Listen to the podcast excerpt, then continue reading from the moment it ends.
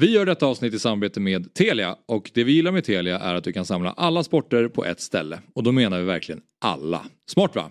Nu när Premier League har dragit igång så kan du följa ligan och du kommer kunna följa Champions League när det drar igång samtidigt som du kan följa slutspurten i Allsvenskan och gruppspelet i SHL. I grymma appen Telia Play kan du se alla sporter och matcher live eller i efterhand om du skulle vilja. Och skulle du vilja råka vila lite från sportvärlden kan du självklart följa alla filmer och serier som finns hos Viaplay, TV4 Play och Telia. Du kan också lägga till allt från HBO Max utan extra kostnad. Jajamän, och priset då? Jo, det kostar bara 649 kronor i månaden vilket gör att du sparar över 500 kronor jämfört med att köpa tjänsterna separat. Så, att samla sporten smartare och dessutom spara en massa pengar. Ja, det är Telia.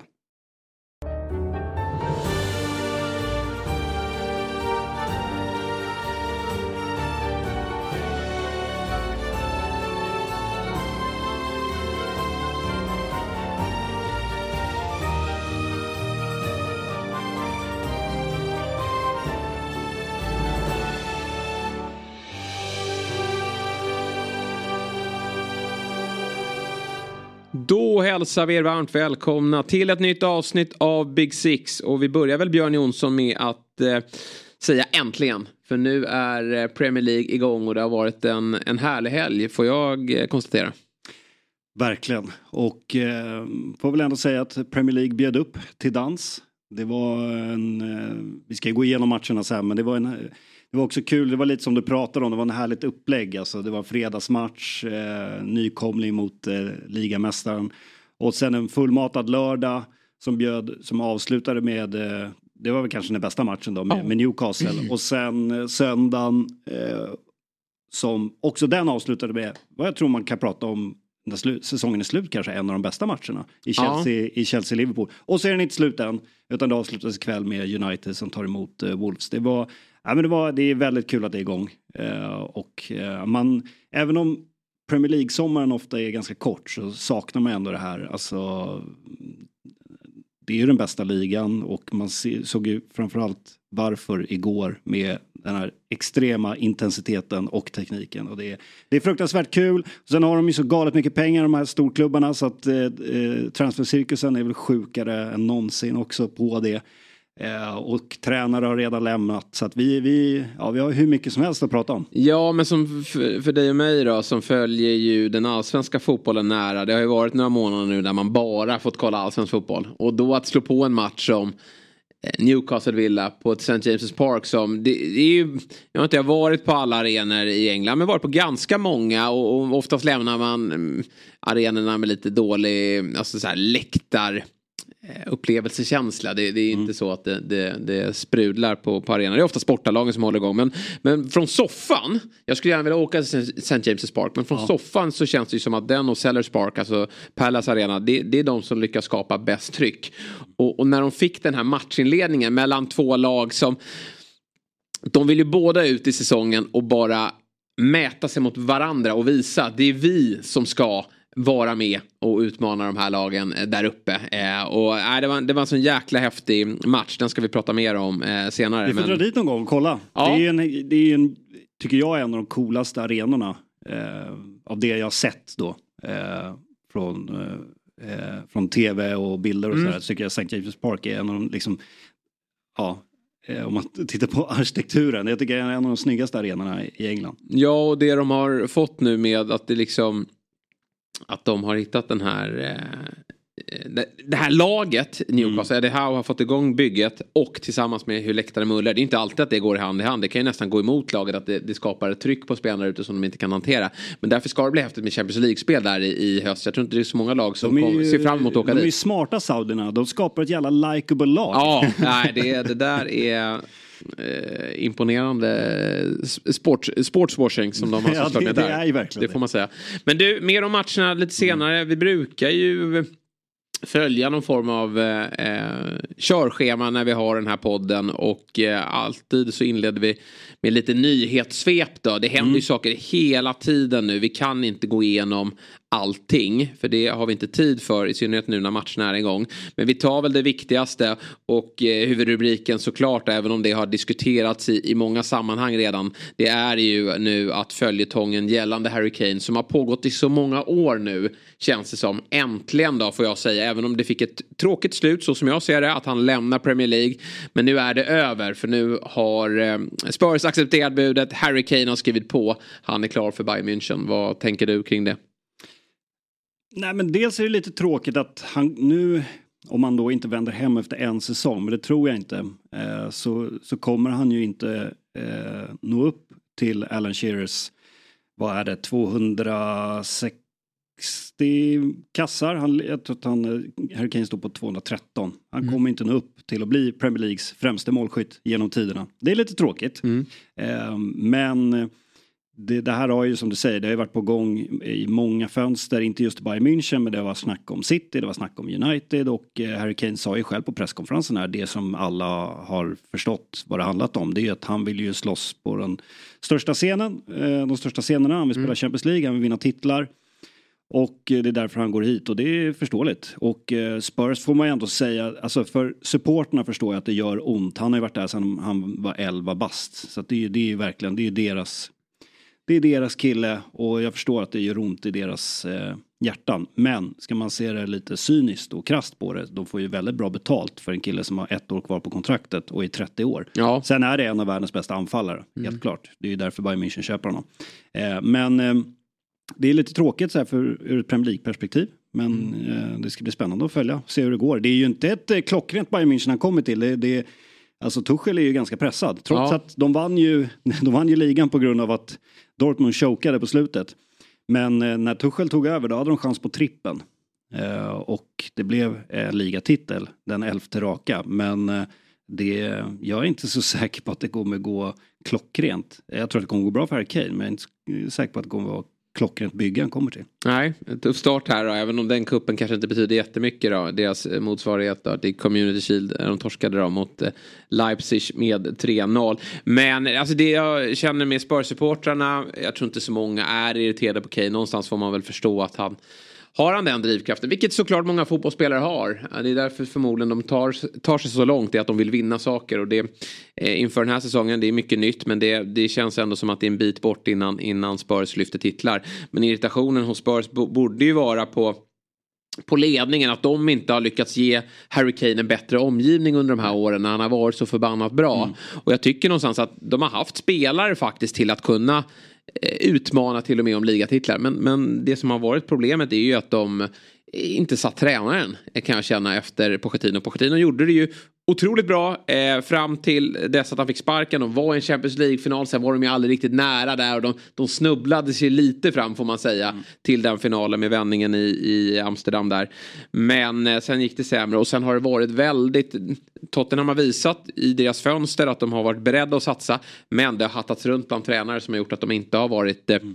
ett, ett utmanarlag och sen har, ska man ju också säga att under de här åren så har det ju varit eh, eh, en liga, det är ju många lag som har försökt men inte varit nära. Men det har ju varit Liverpool och City som har varit så fruktansvärt starka. Så det, det har krävts väldigt mycket för att kunna vara med och, och, och, nosa på en ligatitel. Men nu är det, tror jag, skönt någonstans också för Spurs och nye tränaren Postecoglou som jag har lärt mig att det, det är ett hårt, hårt C nu. Bra. Jag kommer säkert byta, men Postecoglou eh, har jag förstått att det ska vara. Han, eh, men skönt för honom att slippa frågorna. Nu kan vi fokusera på det vi har här och nu och det kommer ju att störa dem såklart kortsiktigt.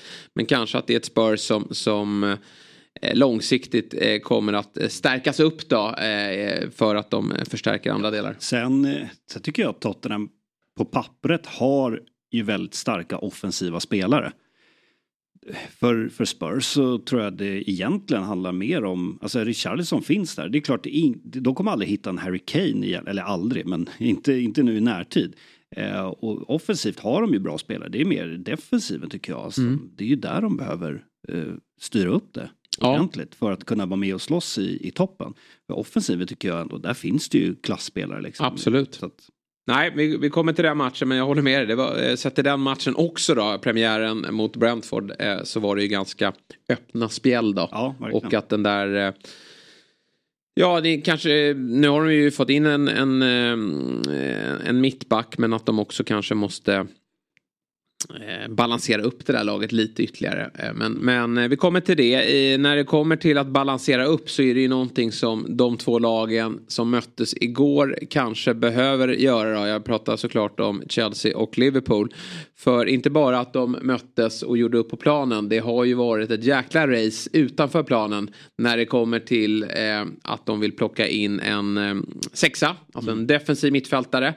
Och det har känts som att Chelsea, de har haft siktet inställt på Caicedo. Och Liverpool har haft inställt på Lavia, eh, siktet inställt på Lavia. Mm. Liverpool har eh, snålbudat. Det har varit eh, rapporter om att Southampton de vill ha 50 miljoner pund. Medan Liverpool har höjt successivt 40, 42, 45, 47 liksom. Eh, men man har väl känt någonstans att äh, men de kommer att komma överens. Till slut så ger väl Liverpool det eh, som Southampton kräver. Lavi har varit utanför truppen. Men så i fredags, helt plötsligt från ingenstans. Då kommer ett bud från Liverpool på Caicedo. Eh, på 115 miljoner pund. Alltså vi pratar en och en halv miljard svenska kronor i stort sett. Mm. Eh, för en 21-årig mittfältare i Brighton som, ja men det kan man väl säga har gjort en bra säsong. Ja, jag vet att så här, när Arsenal och City gick toe-to-toe vad gäller Declan Rice. Så, så, och det pratas liksom, det är över miljarden och sådär. Du vet att du, vissa pratar om att du, du kanske kan få Caicedo för 70. Och det, och det, är väldigt mycket pengar för Declan Rice. Och nu, nu blir ju Caicedo dyrare mm. än, än Declan Rice. Det är, det är sjukt vad, vad priserna trissas upp just nu. Men, eh, men samtidigt, klubbarna har ju uppenbarligen råd så det är väl bara att go nuts för deras del. Men ja, det, det, det är lite bisarrt. Eh, det är klart att det är en bra spelare, men som du säger. Eh, för att vara på den här nivån så eh, har han väl kanske inte bevisat överdrivet mycket. Men klubbarna verkar ju tycka att han är bland de bästa i världen. Så ja, det blir en... Och det är tacksamt för, för Brighton. Här. Ja, verkligen. Det är ju en speciell situation. Det är två eh, lag med stora påsar eh, med pengar. Mm. Eh, och, och båda ute efter samma typ av spelare. Och eh, Caicedo har arbetstillståndet, han har ett år i Premier League, han har, ja, vi bara kolla på Bowley vilka kontrakt han skriver. Båda bygger ju nytt eh, och, och, då vill de nog få in någon i den här åldern som de faktiskt kan forma och då har väl scouterna gjort det jobbet och bedömer Caicedo att han är nästa världsspelare på den här positionen. Det är, jag, jag säger inte emot det, men det är ju klart att det är hisnande pengar. Det är bara att titta på McAllister som gick för 45 miljoner pund. Vi har Madison, Harvey Barnes, alltså det på spelare som kanske inte har, som också har, har presterat mer i Premier League. Men några år äldre, kanske inte i lika attraktiva roller då. Eh, så, så är det, pratar vi helt andra summor. Men eh, hur som helst då, budet las och man trodde att okej, okay, nu kliver Liverpool in och tar den här affären. Eh, för ja, det är inte bara bekräftade det att... ju på presskonferensen ja. inför, inför helgen att eh, ja, men jag har fått höra att det, det är klart. Men, och det man undrar då är ju så konstigt för sen kommer nästa uppgifter och det är väl från Romano och man vet att när Fabrizio Romano skriver något då stämmer det. det, ja. det jag vet inte när det har inte stämt. Det är klart att det kan hända något att någon failar på någon eh, medicinsk undersökning eller så. Men han går ju ut och meddelar att Caicedo vill inte spela i Liverpool. Han vill spela i Chelsea. Och då undrar man hur har inte Liverpool haft någon dialog med team Caicedo, agent och så? Det, det är ju så konstigt för Klopp borde ju liksom, det känns ju som du säger när Klopp säger att klubban är överens, nu ska vi bara hitta det personliga. Då, då eh, har inte han fått någon info om att Caicedo vill inte spela i Liverpool. Nej, det är, det är väldigt, väldigt märkligt att, att Caicedo har sån låsning på, på Chelsea och att just att Brighton måste ju också ha vetat om det här. Och att de ändå då låter liksom Liverpool vara med i, i racet och veta att så här, men det kommer inte gå. Samtidigt kanske de inte var helt säkra på att Chelsea skulle liksom, eh, vara beredda att matcha eller gå över. Eh, men, men att ja, här blir ju Liverpool blåsta helt mm. enkelt och det är ju ganska förnedrande för, för, för Klopp eh, också att jag menar, managers brukar ju aldrig kommentera eh, transfers innan de är helt klara. Eh, alltså framförallt inte spelare som ännu inte tillhör klubben. Och här gör han ju ändå det. Ja. För att han har blivit försäkrad om att det är klart. Eh, sen. Och sen, ja. Och dessutom så ska de ju mötas sen då eh, på, på söndagen. Så att, eh, ja nej, det, det är en, eh, bland de rörigare övergångarna. Ja, verkligen. Jag vet inte om det kan om. stämma. Det kan ju vara Liverpool-supportrar som är förbannade. För det det blir lite snopet då när man tror sig ha hittat den spelare man vill ha och så får man höra då att han vill spela för den andra klubben. Och i det här fallet, alltså kollar vi på sportsligt de senaste åren så har ju Liverpool varit ett, ett bättre lag än Chelsea. Man, man tycker ju någonstans att man ska välja eh, som spelare om man tänker, eh, jag tänker mig att de erbjuder typ samma lön. Eh, och då kollar man oftast på det sportsliga. Och eh, då har ju Liverpool fler bitar på plats. Och då blir det väl en, en smäll då när Caicedo går ut och säger att jag, jag vill spela i Chelsea. Då var det konspirationsteoretiker eh, eh som, som tänkte att eh, nej men eh, det här är väl bara ett sätt för Liverpool att trissa upp ett bud, att, att jävlas med Chelsea. Det tror ju inte jag. Jag har svårt att tänka mig att det skulle kunna vara så i synnerhet när Klopp sitter och säger det han gör på en presskonferens där. Eh, men, men... Det ska Klopp gå med på. Men du får, du får ta på dig lite dumstrut. Ja, men vi ska bara göra det här för att jävlas med Chelsea. Nej. Nej. Det låter inte särskilt äh... troligt då. Men nu är det Here We Go då, från redan nämnda Romano. Så att Caicedo är klar. Ja. Och eh, om han är nu, alltså jag vet, han var jättebra i Brighton, verkligen. Mm. Och, och fortsätter han med det, då, då, känns det som att de har ett ganska bra centralt mittfält här. Då. För det är ju, precis som att Liverpool behöver den här spelaren så behöver faktiskt Chelsea det också. Kände man här att Enzo Fernandes helt briljant igår mot Liverpool. Men Gallagher inte riktigt lika bra. Och jag har inte riktigt sett vem som ska spela eh, bredvid Fernandes. Nej men som du säger, båda de här klubbarna letar ju efter eh, den typen av spelare att ha på mittfältet. Och eh, har ju ingen riktigt där ännu. Så att eh, ja, jag tror Caicedo kommer passa jättebra. Det kan ju vara så också att han har eh, snackat med Pochettino och eh, blivit eh, totalt såld på, på sättet han vill spela. Mm. Och vi kommer till den matchen sen men Pochettino visar ju eh, fortfarande vilken världsklasstränare han är. Så att, ja. Men eh, som sagt, ja, eh, Liverpool är ju de är ju längre fram än vad, mm. vad Chelsea är. Så det, det, det, är lite mer liksom, eh, kanske hade varit lite lättare att komma in i det laget. Men eh, ja, jag tror att kanske och, och just att platsen är ledig också. Det är ja. inte så att säga, jag hade förstått någonstans om det vore som så att Fabinho var kvar. Ja, men det finns faktiskt en sexa, mm. även om han var dålig i fjol så kanske inte jag kan gå rätt in i det här laget. Men här pratar vi, båda lagen säger eh, här spelar du nästa mm. helg. Mm. Eh, det, det, vi, vi skickar in dig i helt luften på en gång. Och då tycker man kanske att Liverpool eh, kanske borde vara mer attraktivt. Sen ska, kan, jag vet inte hur mycket Caicedo går att tänka på det. Men det vill ju David Fjell hävda då. Att London, eh, det lockar mer än Liverpool. Det gör det ju. Men eh, det det har det någon betydelse här tror du? Nej, det tror jag inte.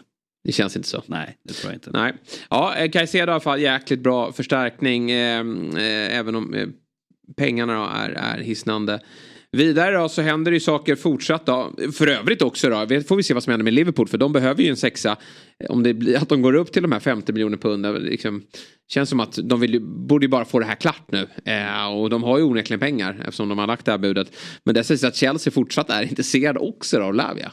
Ja, det, det, är ju eh, det är fullständigt bisarra uppgifter som, som kommer att, att Chelsea går för Lavia också. Och eh, Ja, nu, det pratas ju också om att Chelsea vill ta in ytterligare en målvakt och eh, är det så att Chelsea bisarrt nog skulle lösa båda de här då kan det vara så att Todd Bowley, nya ägaren i Chelsea, sen han tog över för ett år sedan har spenderat en miljard pund. Då pratar vi alltså ungefär 13,5 miljard kronor på spelare. Um, och så finns Financial Fair Play. Men de uh, räddades ju lite av att de kunde dumpa spelare till Saudi. Det var ju ja. deras räddning. För att de, I och med att de inte klarade sig till Champions League så var det många som menade på att de kommer få svårt att uh, klara Financial Fair Play. Men mm. de blir ju räddade av Saudiarabien när de kunde dumpa spelare till. Uh, men ja, uh, Pochettino kommer inte kunna klaga på att han inte har fått spelare. Sen har han ju såklart tagit över en trupp också. Men Ja, vi får se vad som händer. Det, det skulle vara sinnessjukt om Lavia går till Chelsea. Ja, det, det, känns lite too much faktiskt. För det finns ju lite unga spelare också där som knackar på dörren i... i det har vi Klopp gått var ju också eh, väldigt bitter. Han fick en fråga om det här. Kan du säga någonting om eh, eh övergångar och hur det kommer se ut nu i slutet på fönstret? sa han nej. Och så sa han, ja men eh, Chelsea som då eh, vad det verkar eh, kommer ta Caicedo. Då sa han att ja men att eh, Chelsea-tränare eh, brukar ofta vilja ha väldigt många spelare, väldigt dyra spelare och de brukar alltid få som de vill. Mm. Var, eh, syrlig passning. Syrlig passning. Mm. Så att, ja det är klart att han är lite lite bitter, det förstår. Ja, men jag, jag känner så här, har Caicedo varit dubbelt så dyrt bra kontra Lavia? Jag var ju väldigt förtjust i Lavia i fjol. Ja. Känns som att man absolut kan göra sådär. Men mm. vilket race det blir nu. Eh, om Lavia går till Liverpool. Det ska bli kul. Det blir ja. duell. Ja, verkligen, det blir. Vem klarar sig bäst? Caicedo måste ju faktiskt Ja. vara bättre känner man. Eh, bra, vi återkommer till kampen på planen. Det händer saker i Chelsea fortsatt då, för det blev en liten målvaktsrokad här också. Eh, Vi vet att eh, Courtois, Reals eh, målvakt, drar korsbandet precis innan säsongen ska dra igång och då har det ju pratats om vem de ska plocka in. Som ersättare, många trodde väl på de Gea som, som är ju fri att gå. Men det slutar alltså i Kepa Arrizabalaga. Mm. Fick väl till det hyfsat. Kepa Eh, Kepa går väl eh, ganska bra att säga. Då vet nog alla vem vi pratar om. Han eh, ska lånas in en säsong. Som jag förstår det. Ja, det var väl eh, Bayern Münchens vd som bekräftade Ja. att han skulle gå till Real Madrid. För de har ju också eh, varit där och, och ryckt och, Mm. och letar ju målvakter. Men eh, eh, precis, så att, Mm. eh, och det det är det som betyder då att eh, Chelsea kommer väl plocka in eh, eh, en ny målvakt. Mm. De lär väl bli kanske då en, en tvåa då. Men eh, som får sitta bänk. Ja det verkar vara så. De har ju tagit, och det var inte säkert. Vi får för de, se.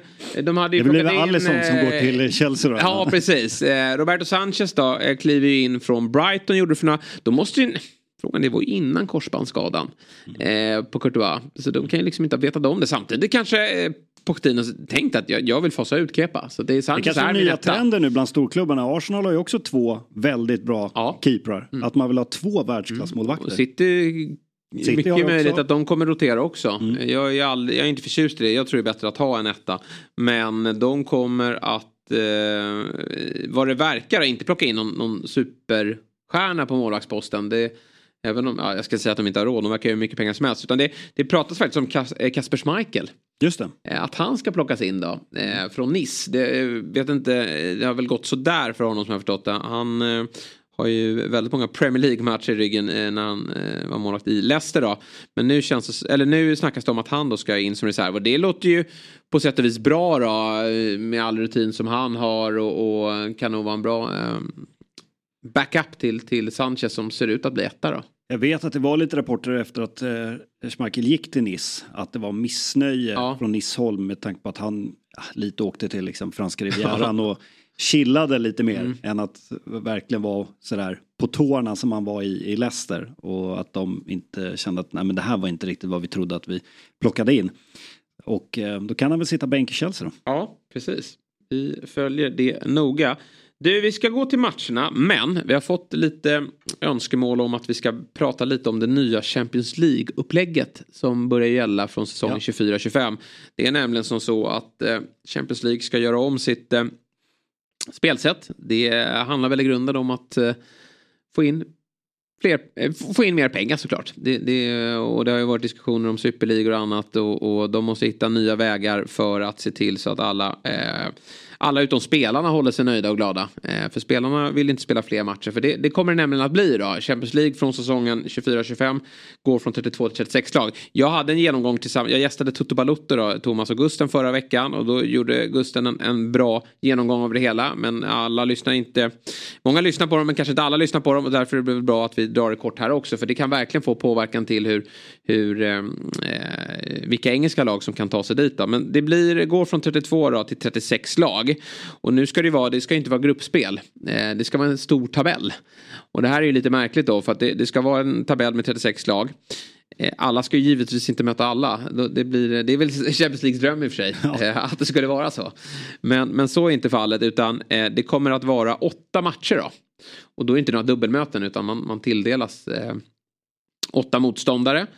Och Eh, så att man, ett lag möter man hemma, ett lag möter man borta. Eh, och sen så kommer man, och sen är det såklart sidning i det. Så att är du sidad etta så möter du inte någon annan från den potten. Utan det, det fördelas ju ut så att du får lättare matcher.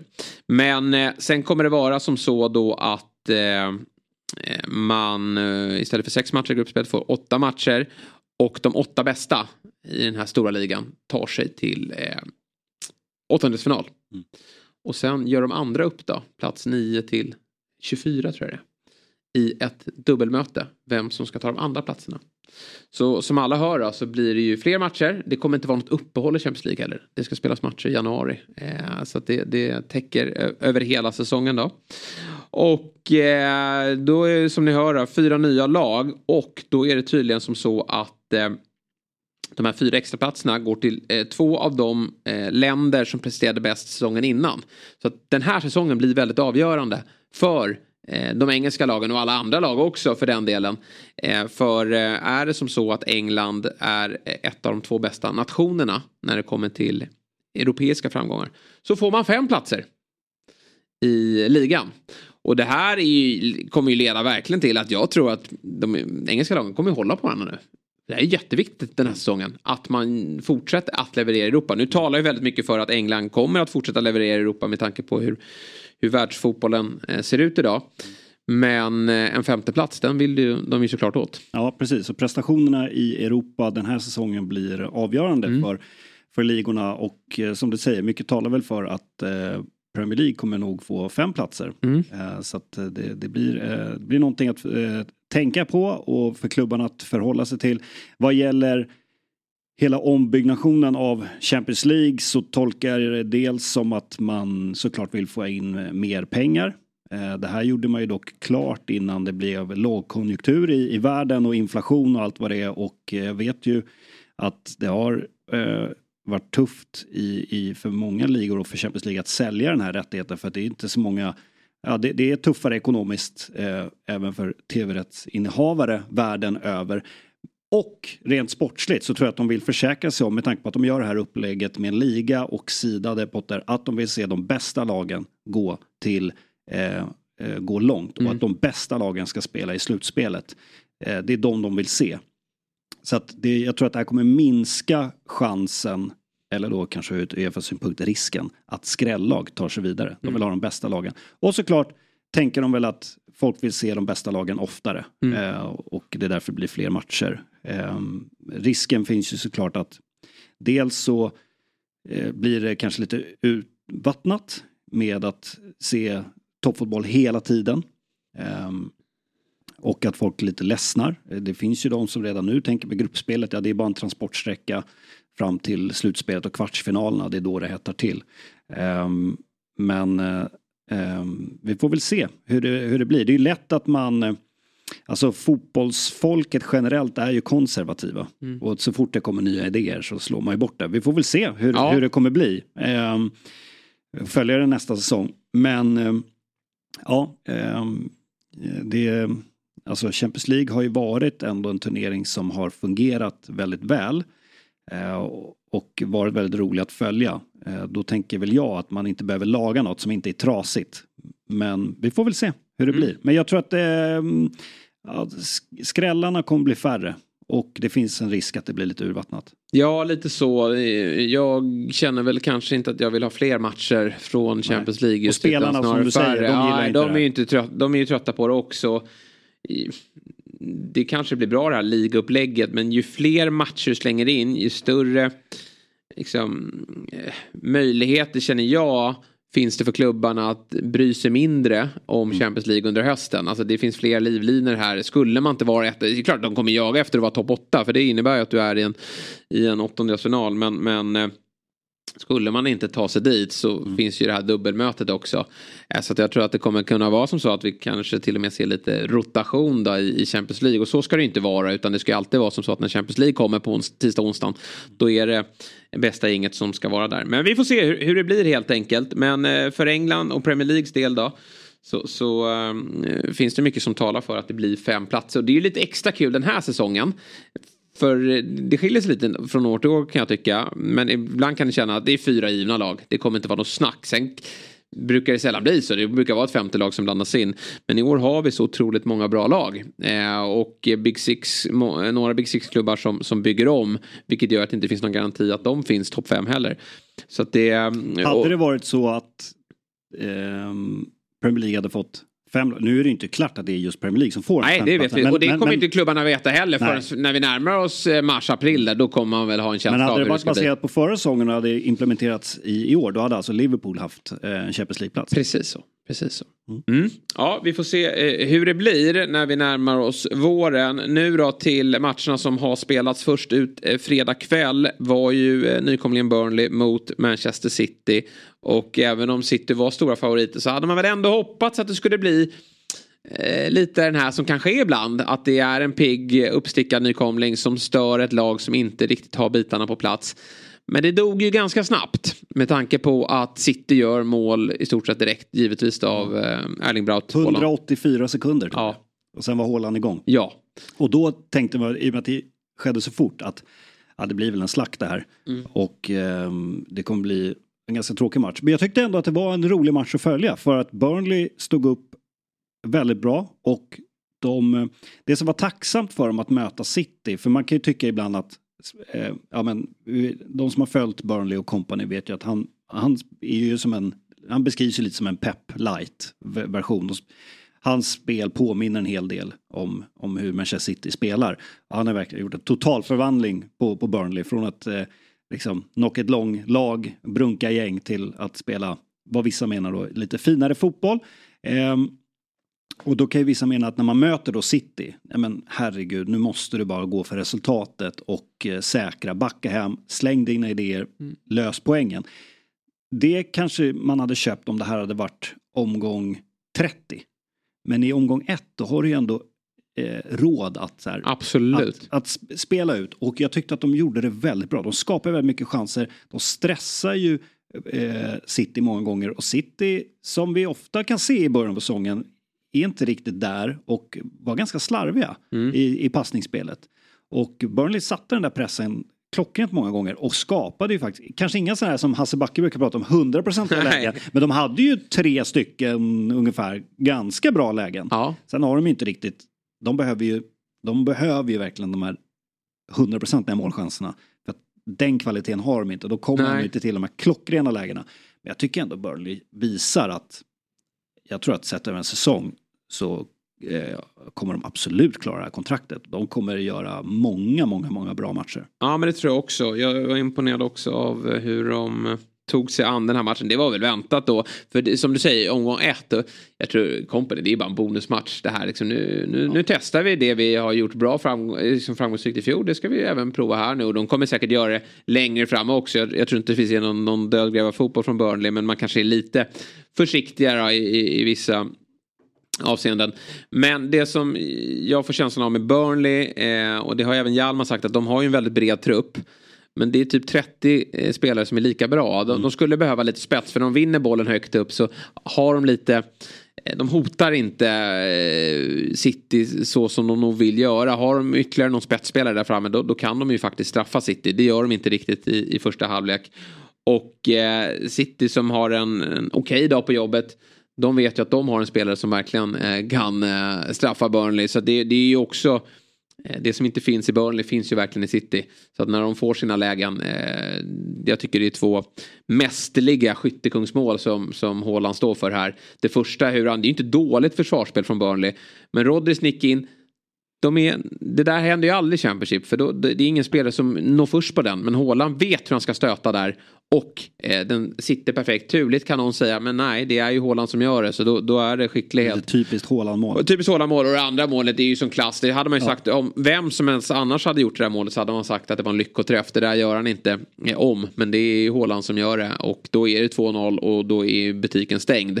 Sen i andra halvlek så tycker jag väl att eh, City spelar av matchen lite grann och, och, och Burnley tror väl inte riktigt på det heller. Eh, det som sticker ut från matchen i övrigt är ju att eh, de Bruyne eh, kliver ut skadad. Eh, intervjun innan matchen som Viaplay visade upp i, i, eh, pausen, i pausen där mm. var ju faktiskt, eh, den stack ju verkligen ut. För att han var ju typ eh, frustrerad över att han skulle starta. Ja, han var förvånad, förvånad över att han skulle få starta. Och, för ja. han har ju knappt spelat under försäsongen. Och så får han starten här och eh, oftast kan ju, vi vet ju det att spelare säger ju inte allt i de här intervjuerna. De kan vara frustrerade men säger att ja, men jag är redo, jag har varit ja, redo. Precis. De, och så får man inte veta spela. vad som sker ja. bakom kulisserna. Men här säger han ju, jag är förvånad över att starta. Eh, trodde absolut inte det. Eh, sen är det klart som jag vet att Åslund sa i studion att eh, Pep går ju på medicinska teamet. Om de mm. säger att han är redo så är jag redo. Och det, är, det, det var han väl. Men, men eh, sen kanske liksom spelaren Kevin De Bruyne, alltså rent om man säger medicinskt var han, var han ju redo. Men han kanske inte var redo i de andra aspekterna. Han kanske inte hade eh, tempot i sig, han kanske inte kände sig bara rent eh, helt fit på det sättet. Och sen slår han ju upp den här skadan. Det var lite det vi pratade om inför säsongen att nyckeln blir ju hur blir det med Kevin De Bruyne? Han har varit skadad sen Champions League-finalen. Eh, kommer han orka en hel säsong? Nu börjar han kom, bli till åren. Han är inte jättegammal men han börjar bli till åren. Och hur länge håller han? Och nu går han, går han ut här. Det, sen såg det kanske inte jättefarligt ut. Eh, gick ju ändå av. Mm. Var ju inte liksom, var ju långt ifrån några tårar eller sånt där. Så att det kanske inte blir någon jättesetback men, men ändå. Det är klart att det är oroväckande och då undrar man ju, kommer, är det en säsong där det kommer bli så här att det blir lite av och an och då mm. kan ju faktiskt City få eh, lite problem för det är, de har ett sinnessjukt bra lag men de har ingen annan som Kevin De Bruyne. Nej, det har de verkligen inte och jag tycker att det, det känns lite onödigt då om det var de här förutsättningarna inför match att han till och med han själv tvivlar. Det är så lätt med facit i hand men det är inte så att det är bråttom att få in eh, De Bruyne utan det, det jag tyckte var så styrka med City var ju att han växlade upp eh, efter typ, ja men i, i februari-mars där. Det är då han vill ha de här spelarna. I, i, i, sin bästa form. Så att han behöver ju inte vara ja, som bäst nu. Ja, de har Newcastle nu. nu till helgen. Ja, verkligen. Att, och då och där... kanske inte Kevin De Bruyne är med. Det kommer han nog inte vara. De, de, eh, eller det kommer han eh, garanterat inte vara. Och då, då är det lite mer problematiskt. Även om det givetvis finns andra eh, bra spelare här.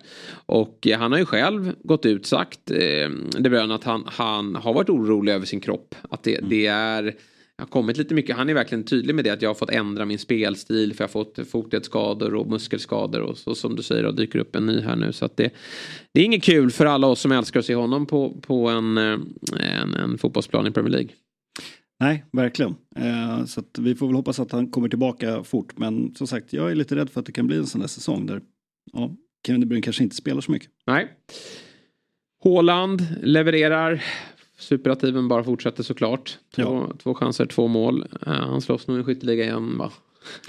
ja, ja, det lär jag ju göra. Ja. Och eh, nu, är man ju, nu är man ju förberedd på Håland eh, i, i Premier League. Så att jag menar, eh, inför om någon hade sagt att ja, men eh, Burnley Manchester City, många mål i Håland? Ja, men minst två. Ja, så är det Ja, och det, det är det, det han gör. Ja. Det, är, det, det är väl nästan det man förväntar sig varje match. Lite så. Eh, man... Nu handlar det väl så här, förra säsongen då var det ju när de här sjuka starterna gjorde hattrick, tre raka hemmamatcher och sådär. Då började man ju prata så här, kan han nå 40? Ja. Och det är väl det jag siktar på nu. Det tror jag. Han ska slå där. Men det var också intressant där i, i, i pausen när, när när spelarna gick ja. ut från plan och Pep stod och liksom skällde ut Håland. Jag vet inte vad, vad riktigt det berodde på. Alltså, Pep har ju alltid mycket energi och, och står i studsar och, och sådär. Och jag vet inte om det var lite slarv och sånt som Vi hade den diskussionen i Fotbollsmorgon då Robin Berglund sa varför det där var märkligt att han kan inte vänta med det där. Han vet att kameran är där. Och man, ja. man, det där ger ju bara vatten på, på kvarnen för, för de som vill hitta mm. Ehm, eh, problem i ett city som är så mm. väloljat det var ju, jag såg att Håland och Bernardo Silva hade, no, hade meningsskiljaktigheter precis innan då Pep kliver ut. Och då, det, min känsla var då att Pep skulle försvara Bernardo. Eh, men också konstigt, men sen spelar ju där ingen roll för framtiden såklart. Utan Pep vill väl skicka signalen också i att, i att eh, här, jag är inte mätt. Och ingen i det här laget ska vara mätt. Utan nu är det Eh, vi har inte vunnit någonting den här säsongen och vi ska vara på tårna här om vi, vi ska vinna Premier League igen. Men eh, ja, imponerande att de ändå eh, lyckas eh, vinna så, eh, så med så pass stor marginal då. 3-0 på Turf Moor.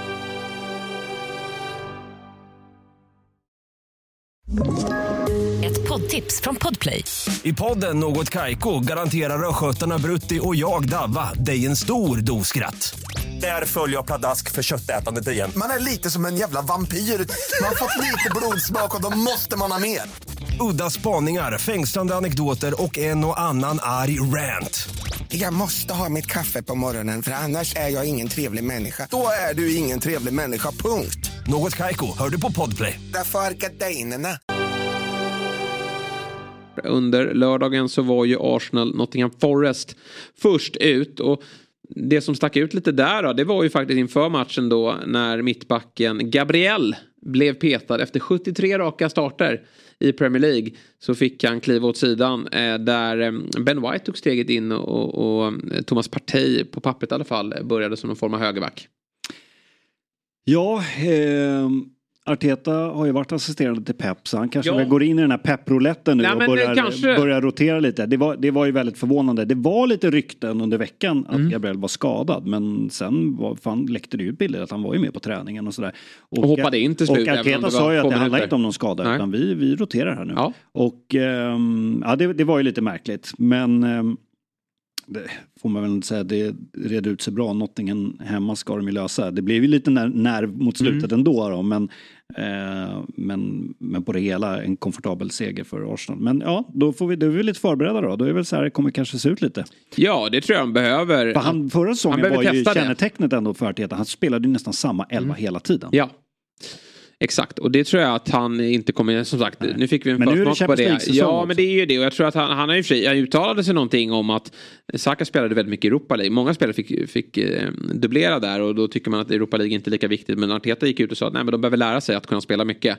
Så eh, det är väl lite, går väl emot att han ska börja rotera. Men jag tror, känner att han har fler alternativ nu. Och då kommer det nog vara att testa sig fram. Sen kan det ju vara, tycker jag, det är en premiär. Där kan ju liksom allting hända. Det är lite farligt även om det funkade väldigt bra med, med White och, och Saliba som är eh, briljant där. Men Arsenal borde väl kanske fått ännu mer utdelning då. Eh, 2-0 kanske borde bli, kunna bli både 3 och 4-0. Eh, men fick inte in bollen. Men det är ju två riktigt läckra mål och Eden Ketja får ju chansen här nu. Och som alltid när han får chansen så gör jag ju mål faktiskt. Ja, så är det ju. Och eh, Arteta pratade ju om Enketia eh, efter matchen att eh, alltså vilket föredöme han är. För han var så besviken att han inte fick spela Community Shield-matchen. Eh, speciellt då när Gabriel Jesus är out och då var det Kai Havertz som fick ta den nummer nio positionen. Han var så frustrerad och sen var han, berättade han, grym på träningen. Och då sa han till, till eh, Arteta, enligt Arteta då, att eh, får inte jag starta mot Nottingham då är du blind. För, han, för han var så Ja. bra. Ja, kaxigt. Och så startar han och så levererar han. Och han sa att det är exakt så du ska ta en, om man vill säga det, en petning. Eller att du inte får starta. Det är exakt så du ska reagera. Du ska visa tränaren eh, att, du, att du är bäst. Och han sa att han är ett sånt föredöme. Ja, och, och någonstans kan jag känna så här. Gabriel Jesus, han känns ju som den givna ettan men, men mm.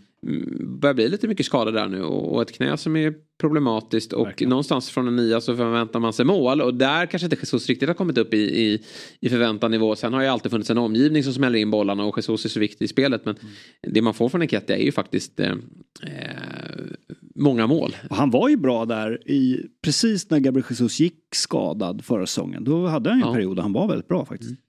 Men jag tror att han kommer få sin speltid. Havertz kommer nog testas där framme också eh, igen. Så det, det finns lite olika Absolut. vägar i ett Arsenal som roterar mer. Eh, från svensk intresse då, Elanga, fint inhopp, jäkla fin. Eh, fint mål de gör eh, i, på en omställning där. Ja, jag tycker också precis den här l- sista touchen han gör. Det är ganska, eh, det är inte så långt kvar till, eh, till kortlinjen. Men han gör ändå det där lilla rycket, får med sig bollen. Och han är ju väldigt stark i de där omställningarna och eh, en mot en. När han får, får löpa på stora ytor. Så att, eh, det var väldigt kul. Eh, bara tillbaka till Arsenal. Eh, eh, får se då hur det är med nyförvärvet Timber då som gick ut eh, skadad. Eh, var väl lite rykten om knäskada där. Får se hur illa det är. Eh, vi- det är en hel del skador i ganska många lag faktiskt Ja. på, på, på viktiga spelare. Och Timber har ju visat sig vara en viktig spelare redan så att vi får väl se lite hur det är där. Men, Mm. eh, men absolut, eh, Anthony Langa, viktigt att eh, Ja, få en bra start här. Även om han inte fick starta i matchen, Nej. att komma in Mm. och, eh, och bidra med assist visar ju att han kanske förtjänar att, att få starta härnäst då. När Nottingham ska möta Sheffield United. Ja, det, det, det blir en jäkligt viktig match för Nottingham Forest känner jag. Nu känner de nog ändå när de lämnade Emirates att de gjorde en bra match. Och att de, de stod upp väl. Men tittar man här på deras inledande matcher här så har de ju faktiskt eh, i kommande fem matcher så har de eh, de ska möta Ja, de. United borta här i omgång tre. De ska möta Chelsea borta i omgång fyra. Och de ska möta City borta i omgång sex. Däremellan då så är det ju ja, de har någon eh, Carabao, de ska faktiskt möta Burnley två gånger på, in, ja, både i ligacup och i Premier League. Ja, men de har två hemmamöten, Sheffield United och Burnley hemma. Mm. Det där är så här matcher som Sheffield United, ja, de måste ta nej, som Nottingham Forest behöver ta poäng i, gärna vinna faktiskt. För man kan inte förvänta sig att nej. det blir så mycket poäng i de övriga matcherna. Nej, den, de som har lagt schemat har inte varit snälla mot Nottingham. Nej, och, men tar man de, säg att man tar sex poäng i de där hemmamatcherna. Då tror jag att man ändå lämnar det här mardrömsschemat, även om man kommer ligga där nere i, i, i botten. Men då har man betat av fyra eh, topplag på bortaplan också. Ska sägas i det här tuffa schemat. Ja, rätt skönt att, att städa av dem. Väldigt skönt att, att städa av dem. Eh, för sen väntar det lite lättare eh, uppgifter då, eh, för Forest. 16 matcherna, är det någon match där som du tycker sticker ut som du vill eh, prata kort om? Ah, det är väl att det är fullständigt osannolikt för att Everton förlorar den där matchen mot Fulham. Alltså, hade det, jag såg hade inte, det, men jag har förstått nej, det. Men, hade det stått 4-1 slutresultat, ja. det hade varit fullt rimligt. Mm. Så mycket lägen de skapar. Eh, Mopay har hur många lägen som helst. Men Mopay, allvarligt ja, talat, ja. varför spelar han i Premier League? Att ja, ingen bara sätter ner foten och, och, säger att du, du ska inte vara på den högsta nivån nej. i världens bästa liga. Du får nöja dig med Championship. Eh, han hade ju vunnit skytteligan i belgiska ligan. Ja, men det, exakt. Alltså, så här, det, finns, det finns väldigt många fot fotbollsklubbar som eh, kan nyttja Mopays egenskaper, eh, vad det nu är. Eh, han är ju på en toppnivå, så det är klart det är en bra, bra fotbollsspelare. Men i, i, i, Premier League har han visat att han håller inte måttet eh, för den ligan. Nu vet jag att Calvert Lewin är skadad, men det kommer han fortsätta vara. Så att Everton behöver ju förstärka. Nu såg jag att de var ute efter Jack Harrison och det var ju nästan here we go på den. Men då har ju Aston Villa klivit in och plockat honom. Nu är inte han någon nia, men det, det behöver komma in offensiva förstärkningar faktiskt. Men surt för Everton i en, i en sån match här. Det är 37 matcher kvar, vi ska inte dra för stora växlar. Men, men man vill ha en bra start här, eh, känner jag. Och, och, när man är så spelmässigt då, som jag förstår mycket bättre, ja, men då behöver man faktiskt ja. kapitalisera alltså på, på det. På förhand så tänkte jag att det här vinner nog Fulham. För Fulham är ett bättre lag än vad Everton är. Och eh, jag tror att Everton kommer få en tuff säsong. Men sen när matchen väl drog igång, det var ju direkt från start. Alltså Everton bara första halvlek kunde de ha haft 3-0. Alltså så mycket lägen de hade.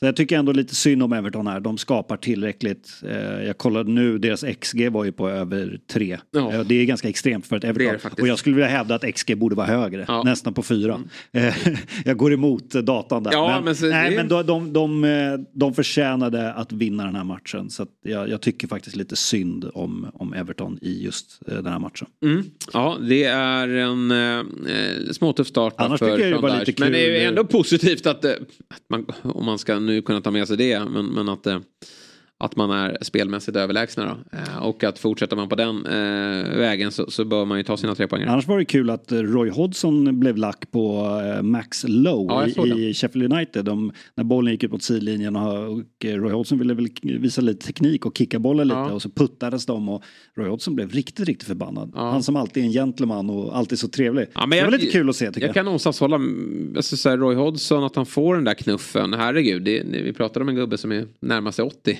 Eh, behandla honom med respekt. Man här kommer en 26-åring ja, och men lite så. Han kan ju ramla omkull ja, där. Alltså, då bryter ju alla ben liksom. Ja. Nej, eh, det där var inte snyggt gjort. Nej. Jag förstår att Roy blev eh, förbannad. Ja. Annars, eh, Luton eh, förlorade ju. Brighton vann programenligt där. Nya gubbar som dyker upp som man inte har så bra koll på. Som, som får Det var ju ganska väntat. Ja. Att, um, det skulle dyka upp någon, någon, eh, någon ny gubbe där som, som gjorde skillnad. Det var ju då alltså eh, Simon Adingra som kommer in istället för eh, eh Mitoma här. Eh, eller Solly March kommer han in för. Men han kan ju användas på, på båda kanterna så att han är eh, användbar där och eh, fick smälla in 3-1 målet. Sen kommer även Ferguson in då mm. och gör mål. Så att det, det, finns verkligen bredd i det här laget. Och eh, det var lite stressigt där när Morris gjorde 2-1 men, men Brighton redde ut det där. Men eh, höjdpunkten då under lördagen måste ändå sägas eh, vara kvällsmatchen då. Med Newcastle, Aston Villa. Vi har redan pratat om det, stämningen på St. James' Park. Eh, det var ovisst innan, klart att Newcastle var väl favoriter, det var de. På, men det är två lag som har rustat, två lag som är redo att blanda sig in i kampen om ädlare Europaplatser än vad man kanske tänkt på förhand. Newcastle gjorde det redan i fjol. Men en 5 här, det är en, eh, ett, ett väldigt styrkebesked från Newcastle och eh, för vår kära svensk Alexander Isak. Ja, herregud, vilken match det här var. För det ska sägas, de här 16 matcherna var ju lite sega. Det Ja. var inte de läckraste lagen på pappret som gick ut där.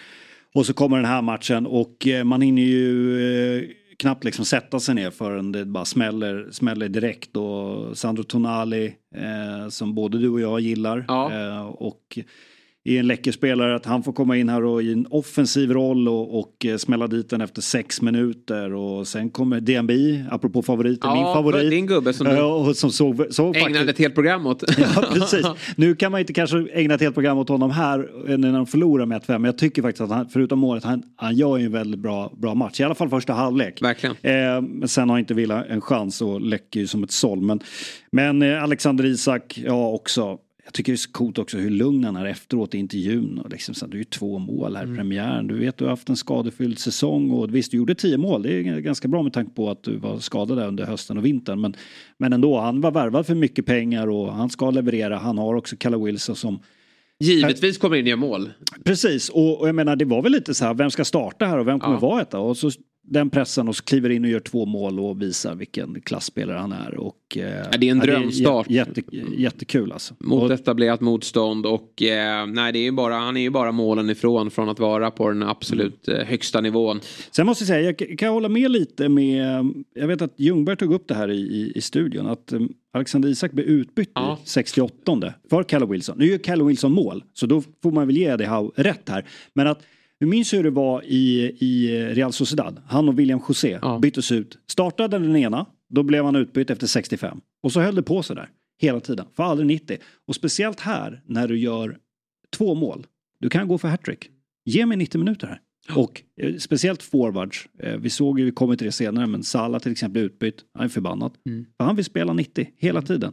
Isak också så här, jag har chansen att göra hattrick här. Låt, Ja, mig nej, bara, jag- låt honom bara spela. verkligen. Jag- Jag, jag, kan tycka, jag håller med Ljungberg där. Jag kan tycka just för forwards är ju verkligen sådär. Det är, det är målen. Det är målen som räknas. Och får jag in ett Och i synnerhet för Isak. Han behöver ju målen Ja. för att bevisa sig någonstans. Alla vet hur bra han är ute i det Mm. övriga spelet. Men han behöver göra inte bara drömmålen utan de, de lätta målen. Och ge honom den skjutsen då. Ge honom 90 minuter här och också visa att nu kommer ju Wilson in och såklart ska han göra mål också den jäveln. Ja. Men, men han är ju skitbra Wilson. Men, men det är Isak som är den stora stjärnan. Det är honom ni ska bygga det här på. Ja. Och det är han som ska ta klivet och bli världsstjärna. han, han byter in Barnes också som ju såklart assisterar till Ja, målet och sen gör mål själv. Så att det går ju inte... Tar man bort de svenska glasögonen så är det ju klart att det är klockrena byten och eh, Isak får vila och han kanske kände också att han inte orkade mer. Det kan ju finnas någonting. Men jag, jag kan ändå köpa det när, när forward är inne i zonen och har läge att göra hattrick. Låt han vara kvar. Ja, nej, men verkligen. Men alltså det här visar ju på vilken, vilken jäkla bredd de har i det här laget. Jag tycker att de hade det i fjol. För det var inte så att Eddie Howe spelade samma elva varje, varje match. Eh, utan det, det fanns lite olika eh, vägar att ta sig till, till vinsterna. Men eh, som sagt, Gordon startar den här matchen. Jag trodde att Harvey Barnes skulle få starten. Gordon som var i Everton i fjol. Ja. Eh, värvades för lite för dyra pengar. Gjorde ingen glad. Jag tycker fortfarande att Harvey Barnes är en bättre spelare. Men han gör en, en bra match. Almiron ute till höger vet vi också vad han, vad han går för. Men det finns ju, eh, nu är, inte, nu är Willock skadad. Men det finns ju andra spelare här. Murphy som, som kan också eh, kliva in och, och, och göra bra saker. Så att det, det, Wilson har vi nämnt. Longstaff finns där. Så att det, bredden är ju där. Och då har man spetsat då eh, ytterligare med, med Barnes och Tonali. Som eh, Ja men kanske omgångens spelare då med tanke på hur jävla bra han var i den här premiären. I en lite mer offensiv roll då. Eh, Till och med de Serie A-vurmarna var eh, förvånade över att han fick en så pass offensiv Ja, roll. inte Nej, och, men med sin fysik och, och med sin fina fot och också timing i löpningarna. Alltså det här eh, målet han gör är ju eh, otroligt Ja. vältajmat. Och han gör ju det där mittfältet ännu bättre då med Joel Linton som ja, man, man skrattade åt för några säsonger sedan. Nu är han liksom en, en, en bra Premier League-spelare. Bruno Gimares är en riktigt bra Premier League-spelare. Och även Tonali då. Så att det är... Eh, Newcastle... De blir jobbiga. eh, Det att- som jag också tycker är häftigt med Newcastle, om man, om man skulle bara titta på, om du skulle få den där backlinjen eh, framför dig. Trippier, Fabian Schär, Bottman, Burn. Mm. Du skulle inte tänka att det var ett Nej, topplag. Ett, ett lag som faktiskt tar sig till Champions League och kommer slåss i toppen. Att han får den backlinjen och tillsammans med en bra målvakt eh, göra det så bra. Jag menar de var ju väldigt tajta förra säsongen och jag tror att de kommer fortsätta vara det. Det är ett, ja, det får man säga ett bra jobb. Det hade jag annars tänkt att här, Newcastle med, med den ägaren i ryggen att de skulle gå och satsa. Okej okay, men nu tar vi in Ja. två världsklass mittbackar. Men Pau Torres kanske från den som Villa plockade in. Eh, känner Ja. att den kanske hade Ja. gått till till eh, Newcastle. Men han kommer ju behövas i Aston Villa nu, Pau Torres. För det var ju skräckscener verkligen. Ja. Med Tyrone Mings då som i en, det var ingen duell, det var Isak gjorde inget fel. Men, men eh, han trampar ju, han vrider ju till knät här. Och eh, de fick Buendia korsbandsskadad två dagar innan premiär. Och nu åker förmodligen Mings på en allvarlig knäskada. Det är ju oerhört tungt för Villa. Det är det verkligen. Och sen är det väl lite det här, det är väl Alltså det är väl kanske det här man har lite emot eh, Unai Emery som jag ändå håller som en eh, världsklasstränare. Men att eh, ja, det, ibland kan det bli lite väl naivt. Det, det var alltså defensivt här så visst, alltså Newcastle, det står en motståndare där också som Ja. är riktigt, riktigt bra och en, en arena som bara kokar. Men eh, ja, ibland blir det lite för naivt, lite för öppna spel. Ja, Men det är Det- ganska kul att kolla på. Ja, väldigt underhållande match och jag kan knappt bärga mig då till lördag 21.00. Ja, det blir häftigt. City mot Newcastle. Mm. Ja, det här blir en riktigt häftig match för att eh, eh, City är ju inte City bra ännu. Eh, och, men Newcastle ser ut att vara väldigt redo. Jag tr- tror verkligen de kan. Vi minns ju tidigt i fjol, då var det visserligen på St. James' Park, men då blev det ju 3-3.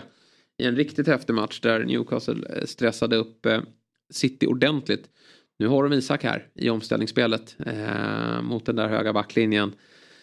Nej, jäkla häftig match alltså. Mm. Ja, den blir, eh, den blir eh, någonting alldeles extra. Och eh, som sagt, eh, nu är ju Newcastle... den nordiska duellen också. Den nordiska Haaland, duellen. Isak. Nu kommer ju inte Newcastle spela så som Burnley gjorde. Men jag tycker ändå att City ja, såg inte klockrena ut alltså. Nej. Så att, ja, eh, det är klart att Newcastle åker väl dit och tänker att tar vi ett kryss här så Ja, är vi jättenöjda. De ska väl göra det de gjorde mot Arsenal på eh, Emirates i, i Ja, precis. januari. Grisa där. till sig Grisa en till poäng. sig. Men det, de, jag tror nog att det kan se ut lite så. Ja, men omställningshotet här med Harvey Barnes, i, om han får chansen, eller Gordon. Mm. Och så Isak och, och, och mittfältskampen. Ska de kunna stå upp ganska bra också nu med De Bruyne utan? Alltså Roddy är ju makalöst bra men, men nej, det blir en jäkla häftig match. Mm. Eh, Det är väl kanske lite då farhågan, balansen på mitten i Newcastle, alltså på eh, mot ett City som bara kör. Hur, hur, eh, Jag kan tänka mig att? Tonali kan ju då få en kanske mer lite defensivare roll. Att han absolut. Mm. blir eh,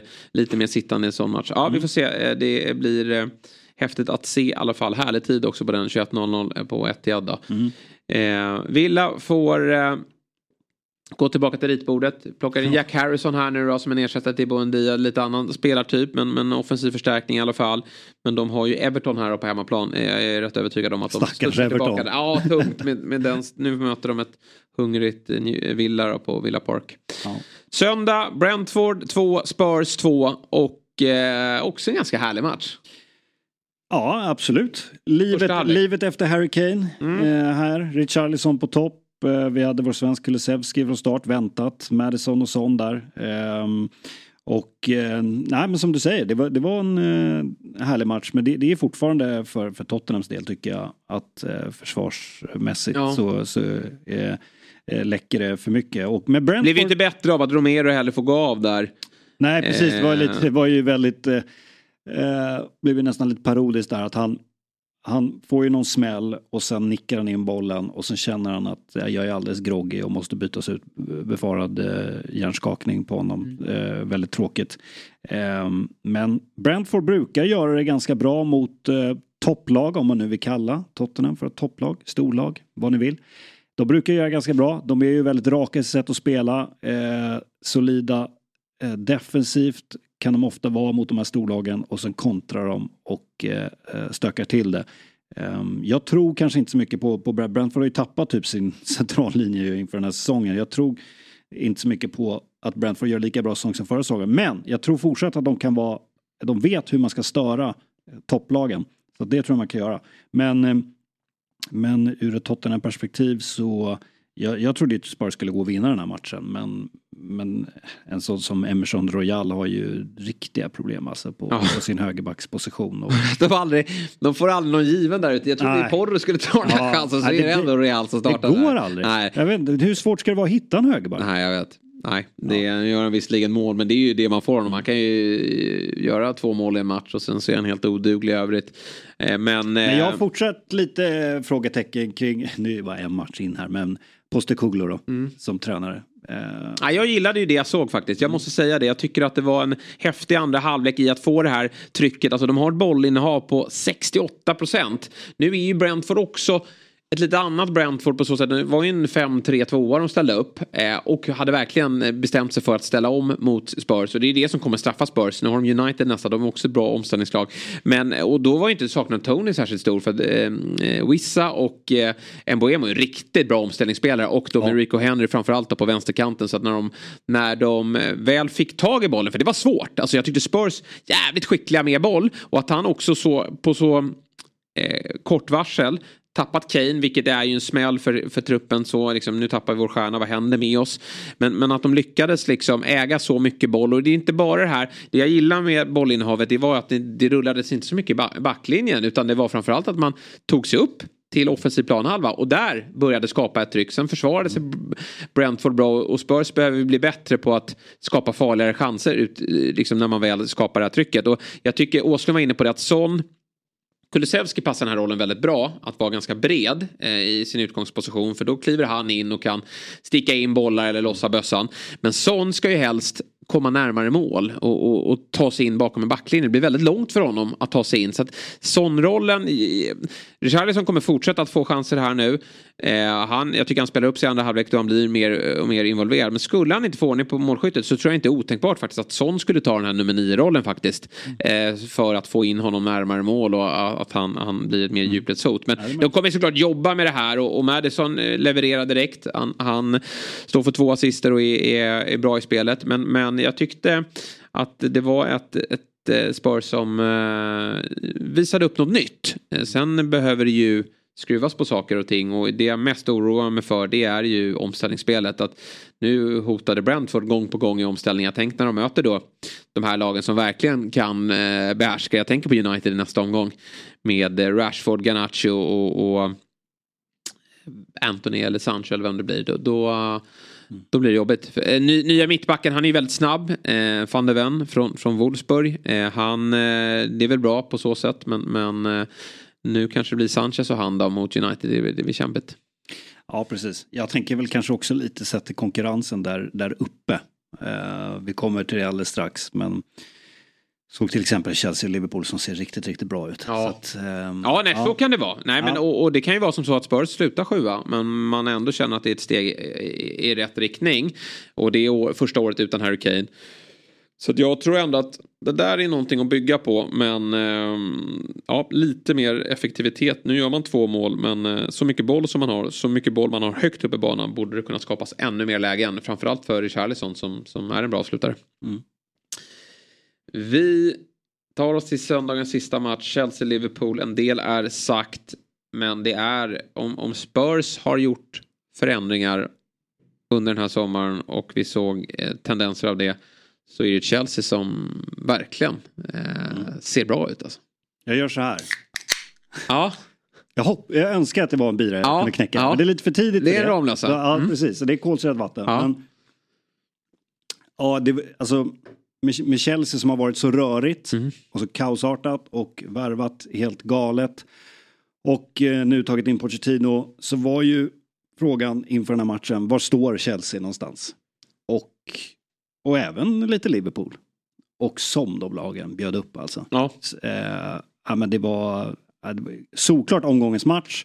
Kan ju eh, även sluta som en av säsongens bästa matcher tror jag. Ehm, och jag tyckte Chelsea och Pochettino hade ju gjort läxan här och, och ehm, löste taktiken briljant. Det finns så mycket som var bra i, i den här matchen. Nu blir det ju bara kryss eh, för båda lagen här. Det, blir, det var väl åttonde raka mötet tror jag som slutade kryss. Ja, de här lagen med. Det, är- det, och det är två eh, mål som båda lagen gör som varas bort. Så vi fick se fyra mål men bara två som blev godkända och en straffsituation. Och den här matchen hade allting. Men framförallt den här intensiteten som båda lagen bjöd på. Och, eh, Båda ville gå framåt. och tekniken. Ja, Det såg man ju på startelvorna då. Alltså Ja. Liverpool har ingen sexa så det får får ju bli McAllister i den där rollen. Han, han gör det ju bra. Men man vill ju se honom högre upp. Det är det. Han, han ska upp längre. Då blir han ännu bättre för Liverpools del. Så det, det blir jättebra. Och Liverpool skickade ner Gallagher där. Så det, det fanns ju, ja, visserligen en man, då ville väl många säga att ah, det är en femback från Chelsea. Men det var det ju inte. Chilwell var ju faktiskt ytterforward. Så att det, det var, tycker jag, två offensivt riktade lag som båda ville framåt. Och det, det, eh, Chelsea tycker jag vinner på poäng. Men Liverpool hade också kunnat lämna den här matchen med tre poäng. första, första 30 är väl Liverpool bättre. Ja, där Sen- ska de ju göra fler ja, mål. Ja, och sen tycker jag att Chelsea tar över och framförallt i andra halvlek eh, fullständigt. Och eh, där, som du nämnde, var- alltså wingbacksen, eh, Reece James och Chilwell, det var så kul att se dem starta båda två. Och som de bara körde alltså. Mm. Och eh, Reece James, eh, alltså han, han är ju så viktig. Han kliver ut med binden här också. Eh, och, och känner väl också att det är, det är en speciell kväll för, för honom. Men eh, ja, de två, de störde ju. Det, visste, alltså, det blir väldigt jobbigt för både Trent och Robertson. När Chilwell och eh, Reece James var så högt upp i banan. För då blev de ju liksom två mot en mot dem hela tiden. De hade ju problem och vi vet ju att Trent eh, ha- har sina brister defensivt. Han hade det jobbigt och det blev jobbigt även tillsammans med Konaté att när det, när det fylls på så mycket spelare på, på de kanterna eh, och, och eh, hur de skulle försvara sig. Eh, så att eh, Ja, men jättekul. Eh, Jag tycker också om man pratar Liverpool så tycker jag McAllister och Soboslaj funga- funkade jättebra. McAllisters passning ner till det som sen blir eh, Salas mål är ju fullständigt briljant. Alltså. Ja, den är brutal. Den är eh, otrolig. Men eh, det, du nämner Trent här och, och ehm, jag har ju alltid sagt att jag har överseende med att han släpper in någon gubbe bakom sig. Eh, om han levererar offensiven. Det tycker jag inte riktigt han gör här. Eh, han, han har ju passningen till Salas mål, offside-mål där. Men, men i övrigt är han ganska slarvig tycker jag. Han, han, eh, och, och man får inte ut det man vill ha av honom. Alltså, han ska ju ha mycket boll och, och sticka in den i stort sett hela tiden. Då, då får det vara okej att han, han eh, släpper till bakåt men han kommer inte riktigt upp i, i, i nivå. Och, och då är han ju dessutom en säkerhetsrisk. Det hade ju som du sa, Pochettino hade gjort jobbet med, med Chilwell som låg och pumpade där. Eh, och ehm, det är eh, jätteviktigt i år igen då för Chelseas del att både James och Chilwell håller sig skadefria. Och det... Nu gick väl Ja- Reece James ut Ja, också? ja, men det var lugnt tydligen. Han var Okej. trött bara. Så att det var skönt. Det är ingen skada där. Men eh, de har ju sin historik och de får inte gå sönder. För de, de, om Chelsea, för är de friska? Och, och, I år spelar de inte i Europa utan det ska bara fokuseras på den här ligan och så får de spela reserverna i kupperna. Då har de en match i veckan och då känner man ju mm, att det här kan faktiskt vara, bära ganska långt. Det man såg igår. Absolut. Sen ska det sägas, jag, jag tror att Liverpool med det sättet de spelar passade Chelsea väldigt, väldigt Ja. bra. Eh, men är det så här vi kommer att se Chelsea, då är ju Chelsea topplag nästan. Jaha, men verkligen. Det är, jag gillade, nu gjorde han ingen mål, men Niklas Jackson, han, Ja. han eh, oj vad, vilket, vilken rivig spelare. Jobbig för försvaren att eh, Ja. han är bra i det felvända spelet, han är bra i djupled, han, han, är, han är snabb med boll. Det är bara målet som saknas i den Han har ju ett läge när han får bollen när han får lite väl mycket kraft på bollen och den går högt över. Den ska jag ju nog sätta. Han blir riktigt frustrerad själv också. Men jag håller med dig. Jag tyckte han såg jättebra ut. Han har ju varit väldigt bra under försäsongen och fortsätter han sådär så kommer han också leverera mycket mål. Så som Sterling passade ju. Det känns som att så här, det är så här jag vill spela fotboll. Mm. Det ska vara fart. Ge mig bollen i djupled. Låt mig springa. Han hade ju ett läge där han trixade sig förbi in i straffområdet och spelade fram bollen.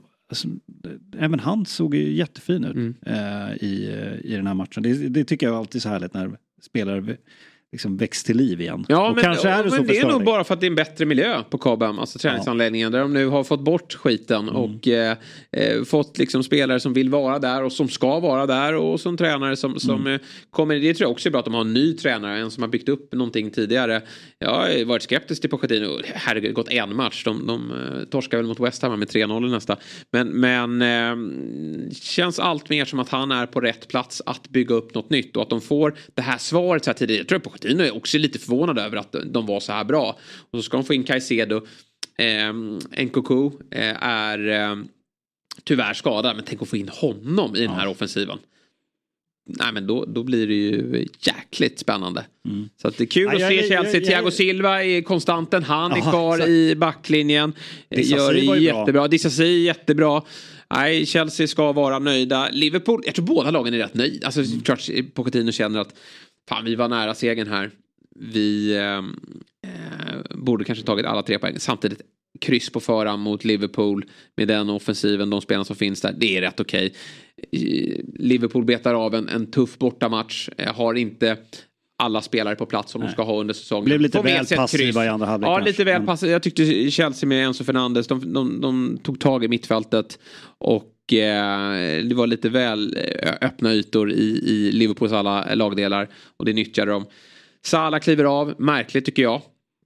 Ja, det var också lite förvånande. För vi vet ju, vi som har följt han var ju bra. i- Ibland kan man förstå. Vet Han plockas, ja, men han plockas ju sällan av. Ja. Eh, och i den här matchen tyckte jag han var bra. Och, Ja. och jag tycker att när Chelsea ändå gör sina byten här. Några framtvingade, eh, Reece James sliten och sådär. och så Kanske gör ville de något- väcka laget, jag vet inte. Ja, jag vet inte. Men då blev ju Chelsea tappade lite av det här momentumet. Och då hade ju Liverpool kunnat straffa dem faktiskt. Det var några slarviga uppspel där från Sanchez och, och något bra läge för Nunez. Hade Salah varit med så är det möjligt att han hade kanske fått det här avgörande läget och avgjort matchen. Ja. Men eh, nu blev han grinig. Men det... Det tror inte jag är Nej. Det ska han ju vara. Det, det tror jag Klopp var rätt nöjd med. Ja. Han Men- menar... Det, det, precis, jag ser det bara som något positivt. Absolut. Det är klart att så här, en av Premier Leagues största stjärnor, det är klart han blir lack om han blir utbytt ganska tidigt. Ja. Han kände väl att jag har ju mer att ge. Jag hade ju en boll inne som var avvinkad för offside. Jag- kan avgöra den här matchen. Mm. Eh, så det tycker inte jag i sig är, är något konstigt. Men jag tyckte det var skönt att se att Liverpool är en sån där, eh, och Klopp är en sån där ärlig tränare. Man vet vad man får, man vet vilken fotboll de vill spela. De spelar sitt sätt. Och nu fick man lite se det gamla Liverpool igen. För det, vi vet ju, det har varit lite knackigt och det har varit skador och du vet, vi hade covid-säsong och det var och förra året var inte eh, jättebra, speciellt inte under hösten. Men här tycker jag vi fick se lite gamla Ja. Klopp-Liverpool igen. Absolut. Luis Diaz, bra. Visar att han ska ha den där platsen. Det känns som att Jota och Nunez får göra upp lite där. Gakpo kommer lite... Jag tycker han blir lite vilsen. Det syns att det är en offensiv spelare som ska längre upp Ja, i banan. ja. Så det är han som kommer offras. Eh, Soboslaj, eh, nya ungraren, eh, tycker jag eh, ser bra ut. Så att han och McAllister med en, med en riktigt bra... Tjatigt med den här jävla sexan. Men, men han ska ju in. Ja, den har du fan, Ja, den har du hamrat in den här veckan. Ja, ja, det- men det, det det, pratar han ju själv Ja, om. Och det, är ju där de behöver fylla på. Så att det är inte så konstigt. Nej. Eh, ett kryss som båda lagen är nöjda med då. Vi ska... Jag bara säga en grej? Ja. Straffsituationen. Ja. Vad säger du? Ja, men alltså, handsregeln är ju som den är. Och jag vet, det man går på här är väl att det är för kort avstånd mellan bollen och eh, handen. Men han, han, han tar ju bollen med handen här och styr bort bollen. Jo, för mig, men- jag tycker att det är straff. Nej, jag tycker inte det. Alltså han, han, dels att bollen kommer rätt plötsligt och han, i och med att han inte har den utanför kroppen. Då, då tycker jag liksom att, ja det ser ju skitkonstigt ut för den tar ju mitt på handen. Alltså det blir lite tydligare i hands. Men samtidigt så stoppar det ingenting någonstans. Alltså har du den utanför kroppen, bollen hamnar där, ja men då är bollen på väg att gå i en annan riktning. Här om man får den på bröstet eller handen, det blir, ja, jag, jag, Det blir samma effekt, Det blir samma effekt. Ja. Så jag, jag tycker ändå att domaren eh, gör rätt här och, och återigen med VAR, det ska, de ska kliva in om det är något väldigt märkligt de ser. Alltså, eh, alltså att det är clear and obvious. Ja, men det förstår jag. Ja. Och eh, vem är jag att gå emot regelboken? Jag, jag tycker bara Mm. Ja. att det där för mig är en hands. Men... Ja, det- det är det. Precis, det är det det är. Men, men eh, så, så funkar det ju ofta att eh, friar domaren, Mm. då ska det mycket till för att VAR ska gå in och eh, korrigera. På samma sätt, hade han blåst för straff här, då hade inte VAR gått emot heller. Då Nej, de, det det, det tror jag inte. Utan Nej. då hade de sagt, ja men vadå, den tar ju på handen. Ja, det, det där är för mig straff. Det, Mm. Då tror jag inte VAR hade gått emot heller.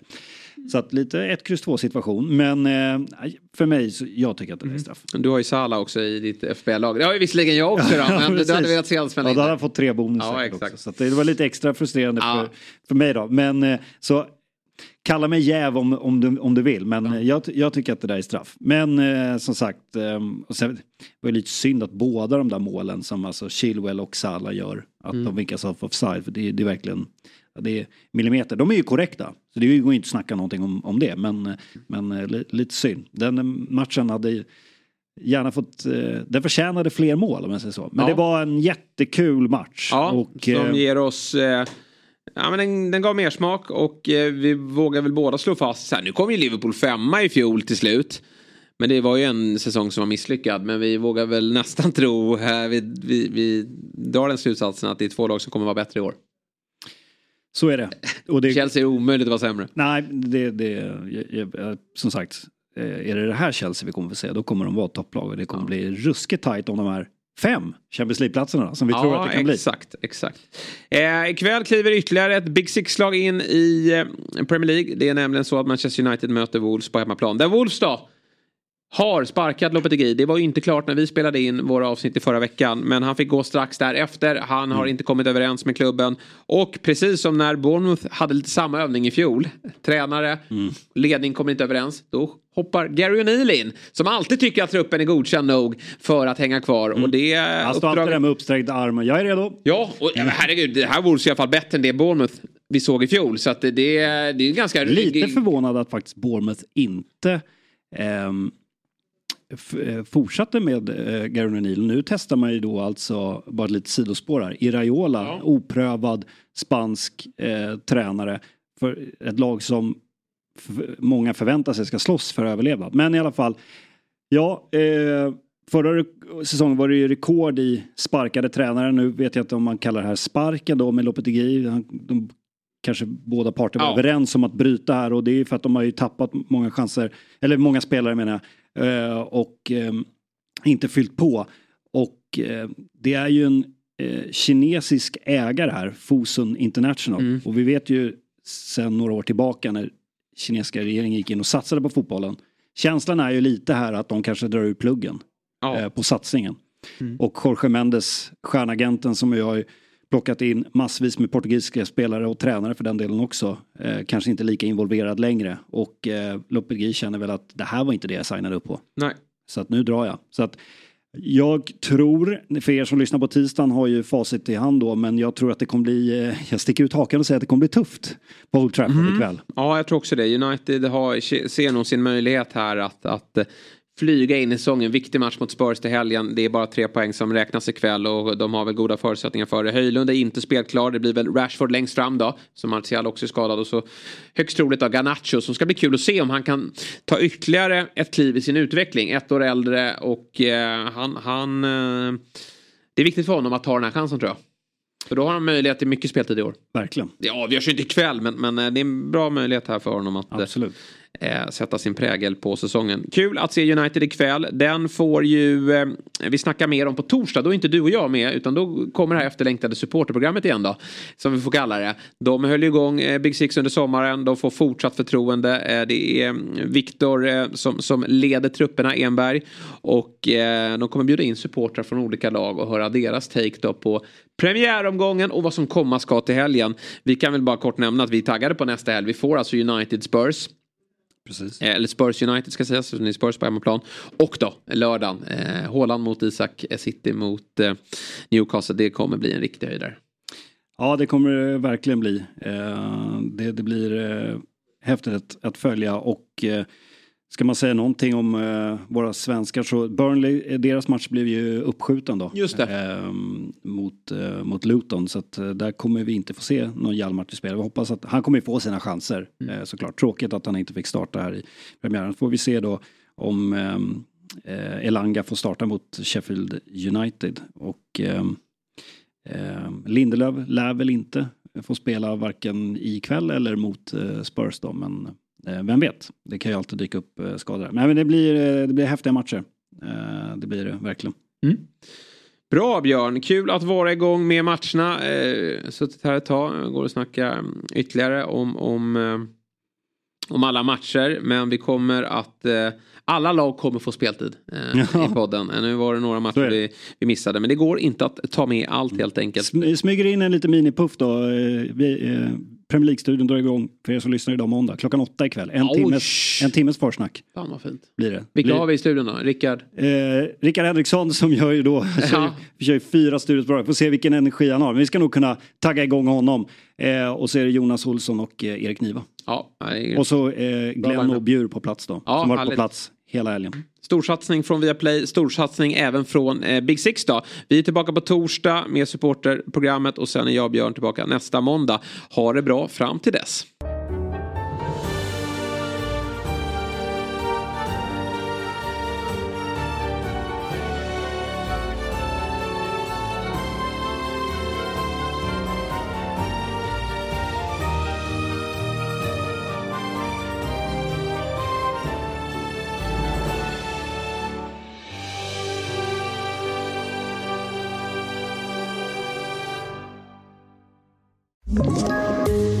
Poddtips från Podplay.